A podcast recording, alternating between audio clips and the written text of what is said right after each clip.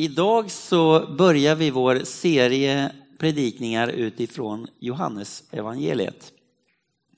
Under vårterminen så kommer vi följa Johannes evangeliet och eh, predika några gånger utifrån eh, den boken i Bibeln. Och den som har läst eh, Bibeln, evangelierna, har säkert märkt att Matteus, Markus och Lukas skiljer sig ganska mycket ifrån Johannes evangeliet. Det är lite speciellt det evangeliet. Man kan säga att Johannes kompletterar berättelsen om Jesus och gör att den blir mer fyllig.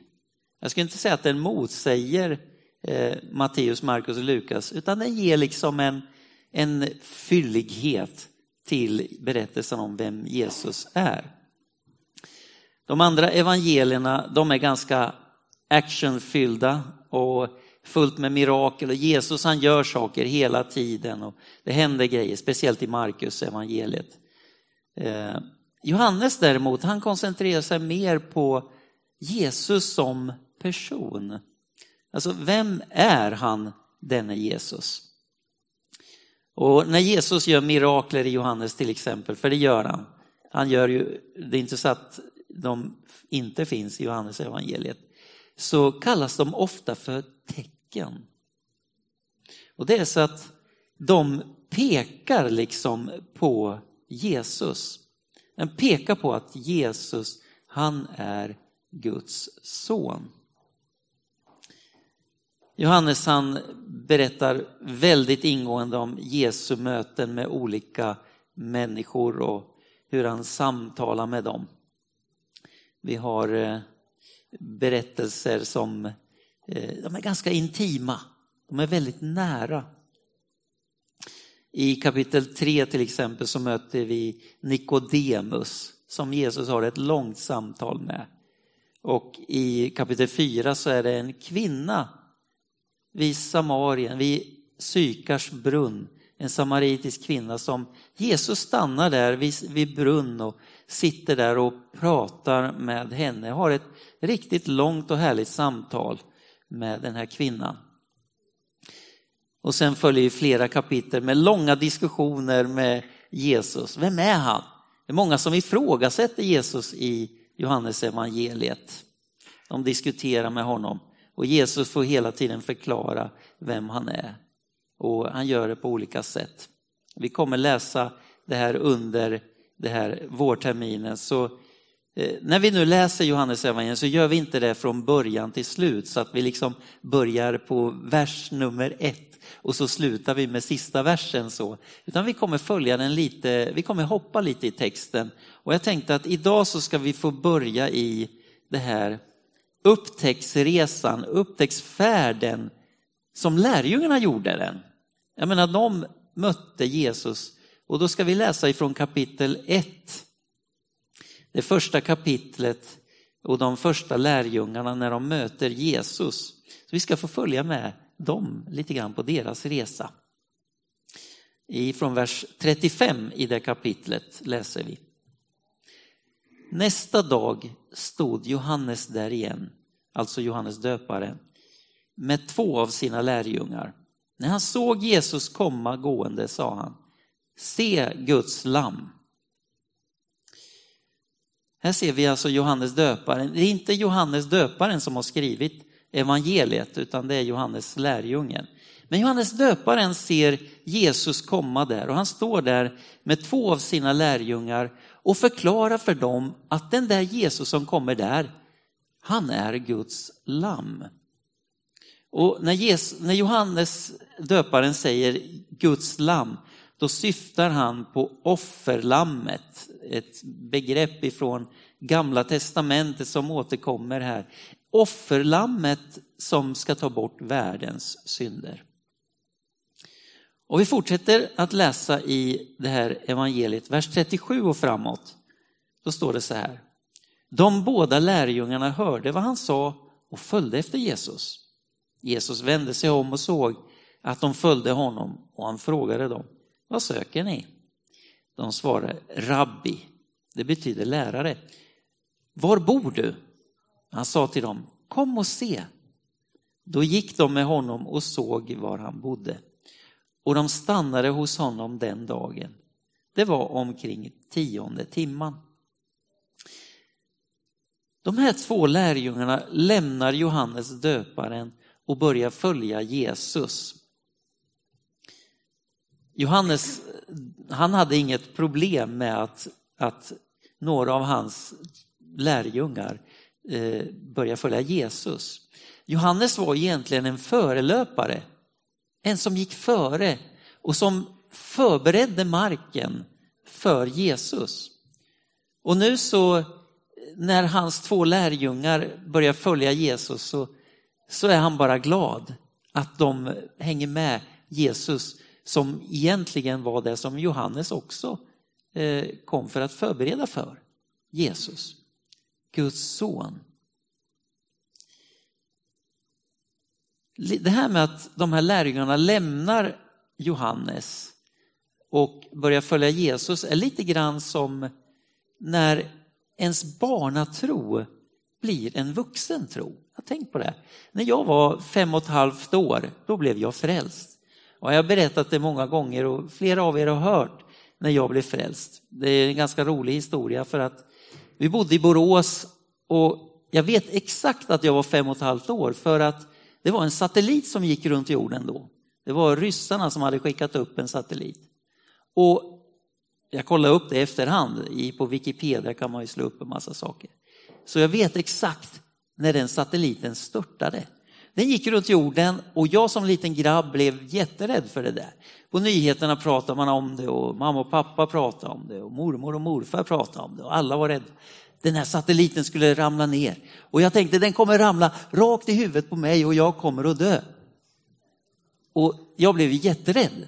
Och den här rädslan gjorde att jag till slut började gråta och mamma sa, men varför gråter du, vad är det med dig liksom? Ja, jag är rädd för att dö pratar inget om satelliten, jag skämdes för det. Men, men då säger hon att nej men du behöver inte vara rädd för att dö. Vi kan be till Jesus, du får bli frälst, du får komma till Jesus om du dör. Jag menar fem och ett halvt år. Inte har man syndat massor då va? Men men jag fick i alla fall avgöra mig för Jesus. Jag fick be en enkel bön tillsammans med mamma om att jag skulle få bli eh, frälst, att Jesus skulle flytta in i mitt hjärta och det gjorde han. Och när Jesus flyttar in, då flyttar rädslan ut. Amen. Visst är det underbart? När Jesus flyttar in, då försvinner rädslan. Det är borta. Så jag var jätteglad när Jesus flyttade in i mitt hjärta och jag var frälst. Men det är först i gymnasieåldern kanske jag kan säga att min tro på något sätt blev vuxen. Jag fick eh, på något sätt göra avgöranden för att jag skulle följa Jesus och fortsätta att följa Jesus. Förra söndagen så hade vi dop. Då hade vi två tonårstjejer. Det var eh, eh, vad hette de nu? Ja. Betty och Hosanna som lät sig döpas till Kristus. Att börja följa på den där vägen. Och man kan säga att de tog ett sånt här vuxet steg. Deras barnatro, för de trodde på Jesus säkert, som jag trodde när jag var fem år. de trodde på Jesus, men nu tog de ett vuxet steg. Där deras tro fick bli någonting mer ett avgörande för att följa Jesus. Och kanske du också kan ha en barnatro och har en sån grundläggande tro på Gud och himlen och kanske till och med en sån enkel tro att Gud, eh, jag menar, en, en gammal farbror med stort skägg sitter på ett moln i himlen. Han får komma till himlen och sådär. Kanske du har det, men kanske också nu är det så att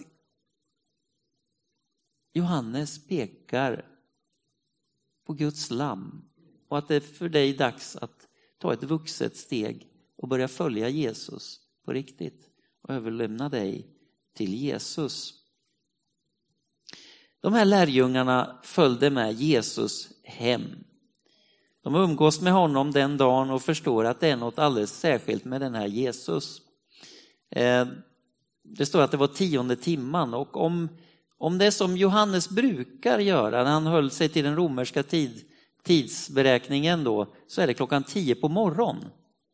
Så de hade en hel dag med Jesus där, hänga med honom och umgås med honom. Ja, de kanske åt mat med honom. Det är också intressant att de faktiskt gick hem till Jesus. Jesus hade ett hem vid det här laget. Han hade fort, vid det här laget så hade han inte börjat att eh, vandra omkring på samma sätt som vi läser om sen. Utan han hade faktiskt ett hem. Och det står att han flyttade ju från Nasaret till, Gali, till, till eh, Kapernaum och bosatte sig där. Och han hade ett hem som de kom till och umgicks med honom. Och säkert förstår de nu att den här Jesus, det är nog som Johannes säger, han är Guds lam som kommer ta bort världens synd. Han är Messias. Andreas, vi fortsätter att läsa, vers 40.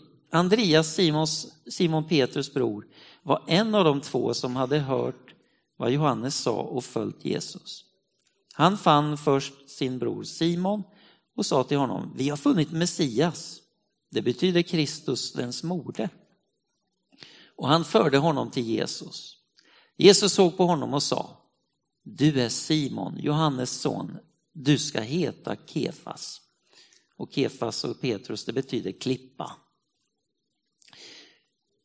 Det första Andreas gör, det är att leda sin bror till Jesus. Jag tycker det här är så vackert. Är inte det? När han har mött Jesus så tar han också sin bror till honom. Och Vi ser det också på andra tillfällen i Andreas liv, att han gillar att ta människor till Jesus. Han säger, vi har funnit Messias, kom och möt honom du också. Och Messias, eller det som då på grekiska heter Kristus, det är alltså ett begrepp som judarna använder för att beskriva räddaren från Gud. Alltså den som de har väntat på och han som ska komma och rädda oss människor ifrån det onda. När Jesus ser Simon så kallar han honom för Petrus. Du är klippan. Och jag skulle vilja säga så här att i mötet med Jesus får vi en ny identitet. Han ser våra hjärtan och han talar om vilka vi är innerst inte. Inte utifrån vad vi gör eller hur vi ser ut, utan vilka vi är i våra hjärtan. Han ser på oss. Han visste mycket väl att Petrus eh, skulle vara den som förnekar honom. Tre gånger säger han att nej, jag känner inte den mannen när han blir pressad vid, vid översteprästens eh, gård. Och han visste att Petrus han skulle ta fram svärdet och hugga, börja hugga av öron på folk när de, eh, när de skulle gripa Jesus. Det kanske inte låter som någon klippa direkt, någon man kan lita på sådär. Men Jesus såg det här djupt in i, i Petrus hjärta. Han visste att det finns en klippa där inne. Vi har ofta hört den här berättelsen om hur Jesus kallade Petrus, Jakob och Johannes och Andreas där vid Genesarets sjö. Där han kommer till dem och säger kom och följ mig, jag ska göra er till människofiskare. Och så lämnar de näten bara och sätter igång och följer Jesus. Den har ni hört, eller hur? Många? Många har hört den. Plötsligt bara lämnar de liksom allt vad de håller på med och följer Jesus. Och man kan ju tro att det var liksom så det gick till, men just när vi läser Johannes evangeliet så får vi ju en lite fylligare bild. Vi förstår att det här mötet med Jesus, det hade skett innan det där eh, tillfället vid näten och fisket och vid båtarna.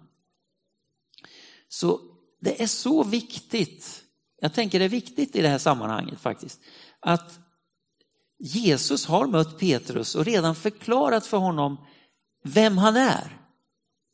Han är klippan Petrus. Innan han säger till honom att du ska bli människofiskare. Alltså vad han ska göra i livet. Han talar om identiteten och han är mycket mer intresserad av vilka vi är, inte vad vi gör, vad vi håller på med.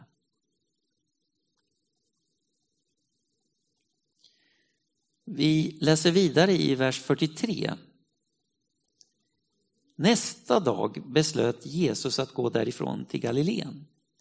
Då fann han Filippus och sa till honom, följ mig. Filippus var från Betsaida, samma stad som Andreas och Petrus.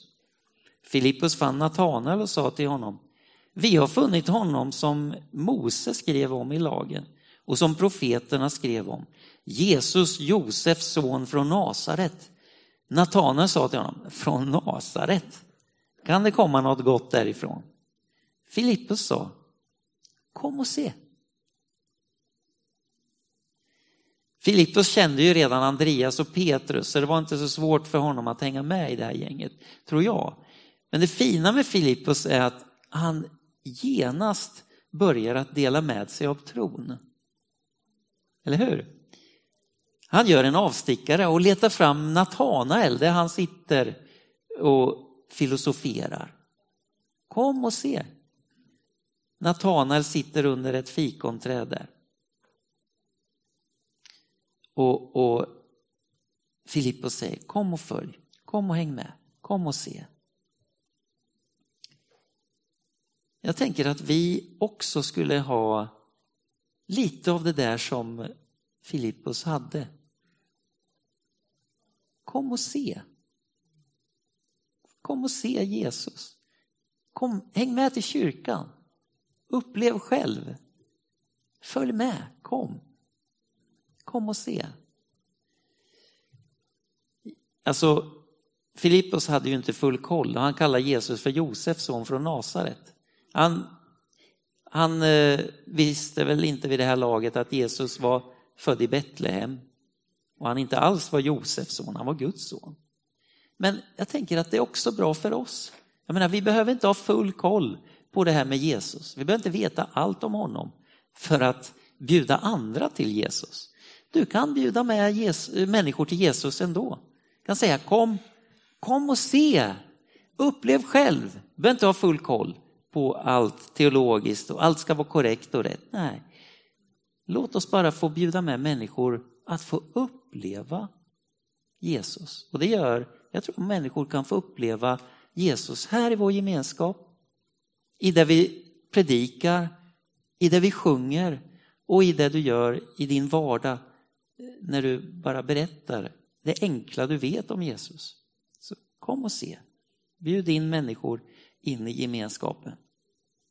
Vi fortsätter ifrån vers 47. står det. Jesus såg Natanael komma och sa om honom. Här är en sann israelit som är utan svek. Natanael frågar, hur kan du känna mig?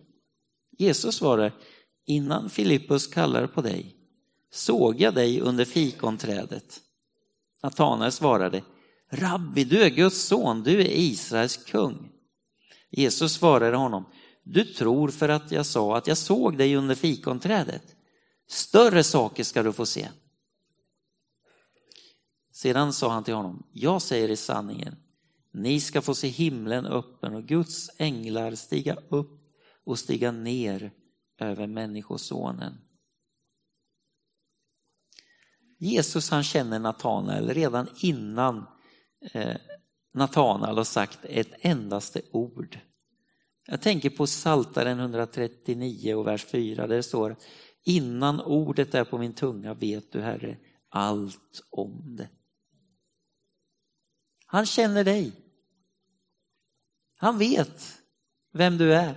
Han vet vad du tänker. Han har full koll på dig. Innan vi ens har pratat med Jesus så vet han vad vi ber och tänker och önskar. Kanske hade Natanael suttit där under fikonträdet och bett Gud om ett tecken. Åh Gud, visa mig. Jag tror ändå att på något sätt betydde det här eh, med fikonträdet när Jesus talar om det, betydde någonting särskilt för Natanael. Det var något som träffade honom i hjärtat när han, när han eh, sa det. Kanske var det ett tillfälle som var väldigt speciellt för Natanael.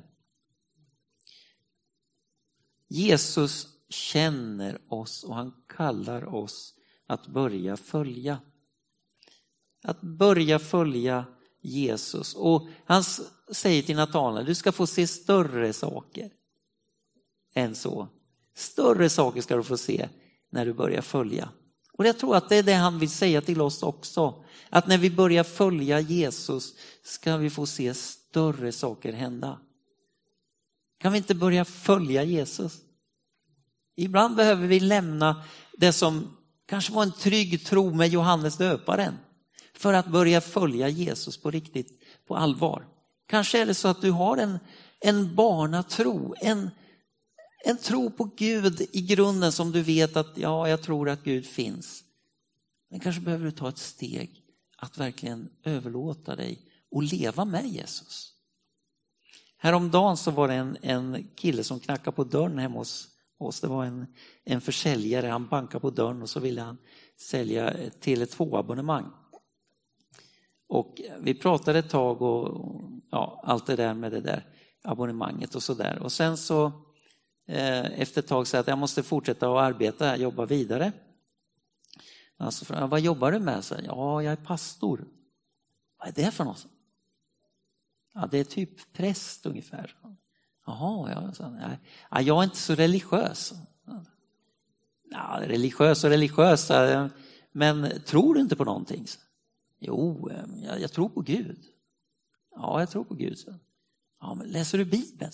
Nej, vi hade ett litet samtal där om ändå att, om tro liksom. Han trodde ju på Gud, ja det gjorde han.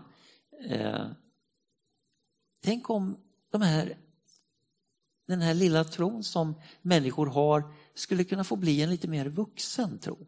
Att man lämnar det där att bara tänka på att Gud, ja han finns nog säkert och det finns nog säkert en himmel eller ett liv efter döden. Och gjorde det till en vandring med Jesus. Att börja följa honom. Kanske också för den som idag du sitter och upplever att du, jag är liksom lite fast i någonting, behöver lämna det. Börja följa Jesus istället. Kanske är det en arbetssituation, någonting på jobbet eller någonting du känner att jag behöver komma vidare. Och Gud kallar dig att gå vidare. Att lämna det trygga med Johannes döparen och börja gå med Jesus istället. Jag vet inte vad det är som du har som kan vara en trygghet och någonting som du håller fast vid och tänker att det här är, det här är jag. Men när du börjar följa Jesus så kommer han att visa dig vem du verkligen är. Att inte låta sig definieras av den här världen, vad den säger om dig. Inte ens vad dina vänner säger om dig. För de ser egentligen bara vem, vad du gör och hur du ser ut. Men att kunna se rakt in i hjärtat, det är egentligen bara Gud som kan göra. Det är bara Jesus som kan tala om för dig vem du verkligen är. Låt honom tala om för dig att du är en klippa. Trots att du kanske är som en Petrus som sviker och gör massa dumheter ibland och allt det där. Men du är någonting annat, någonting som Gud talar om för dig. Det han vill att du ska vara i ditt hjärta, i ditt liv. Och för den som kanske har upplevt att ja, jag har liksom ett, en relation med Gud på avstånd så är det nu dags att börja följa Jesus på riktigt. Och om du känner, ja men jag har inte riktigt, jag har inte avgjort mig för Jesus, så är det här dagen att börja följa Jesus. Att lämna ditt liv till Jesus och säga, säga Jesus, jag vill tro på dig, jag vill följa dig. Jag vill vara en lärjunge till dig. Precis som de här killarna, ja vi vet inte allt, vi känner inte allt, men vi ska få göra en resa med Jesus tillsammans. Och du är så välkommen in i vår gemenskap att vandra tillsammans med pingstförsamlingen, med, med oss. Och vi ska lära känna Jesus mer. Vi ber gärna för dig. Så att du får ge ditt liv till Jesus. Och om du upplever att ja, men jag behöver ta ett steg, som jag sa, kanske någonting som du behöver bryta med. Ja, men gör det. Följ Jesus. Ta ett steg. Börja följa. Jesus han kallar dig att gå med honom. Vi ber tillsammans. Herre Jesus, tack att vi har fått kallelsen att följa dig. Tack för de här texterna som vi får läsa i Bibeln som utmanar oss även idag. Att ta steg i tro och att följa dig. Åh Herre Jesus, jag ber att eh, idag, idag Herre, ska någon besluta sig för att göra en, en annan inriktning i livet. Det är inte farligt att lämna Johannes döparen och, och följa med dig. Du är kungars kung och herrars herre. Jesus, vi tackar dig för att du kallar människor än idag att följa dig. Amen.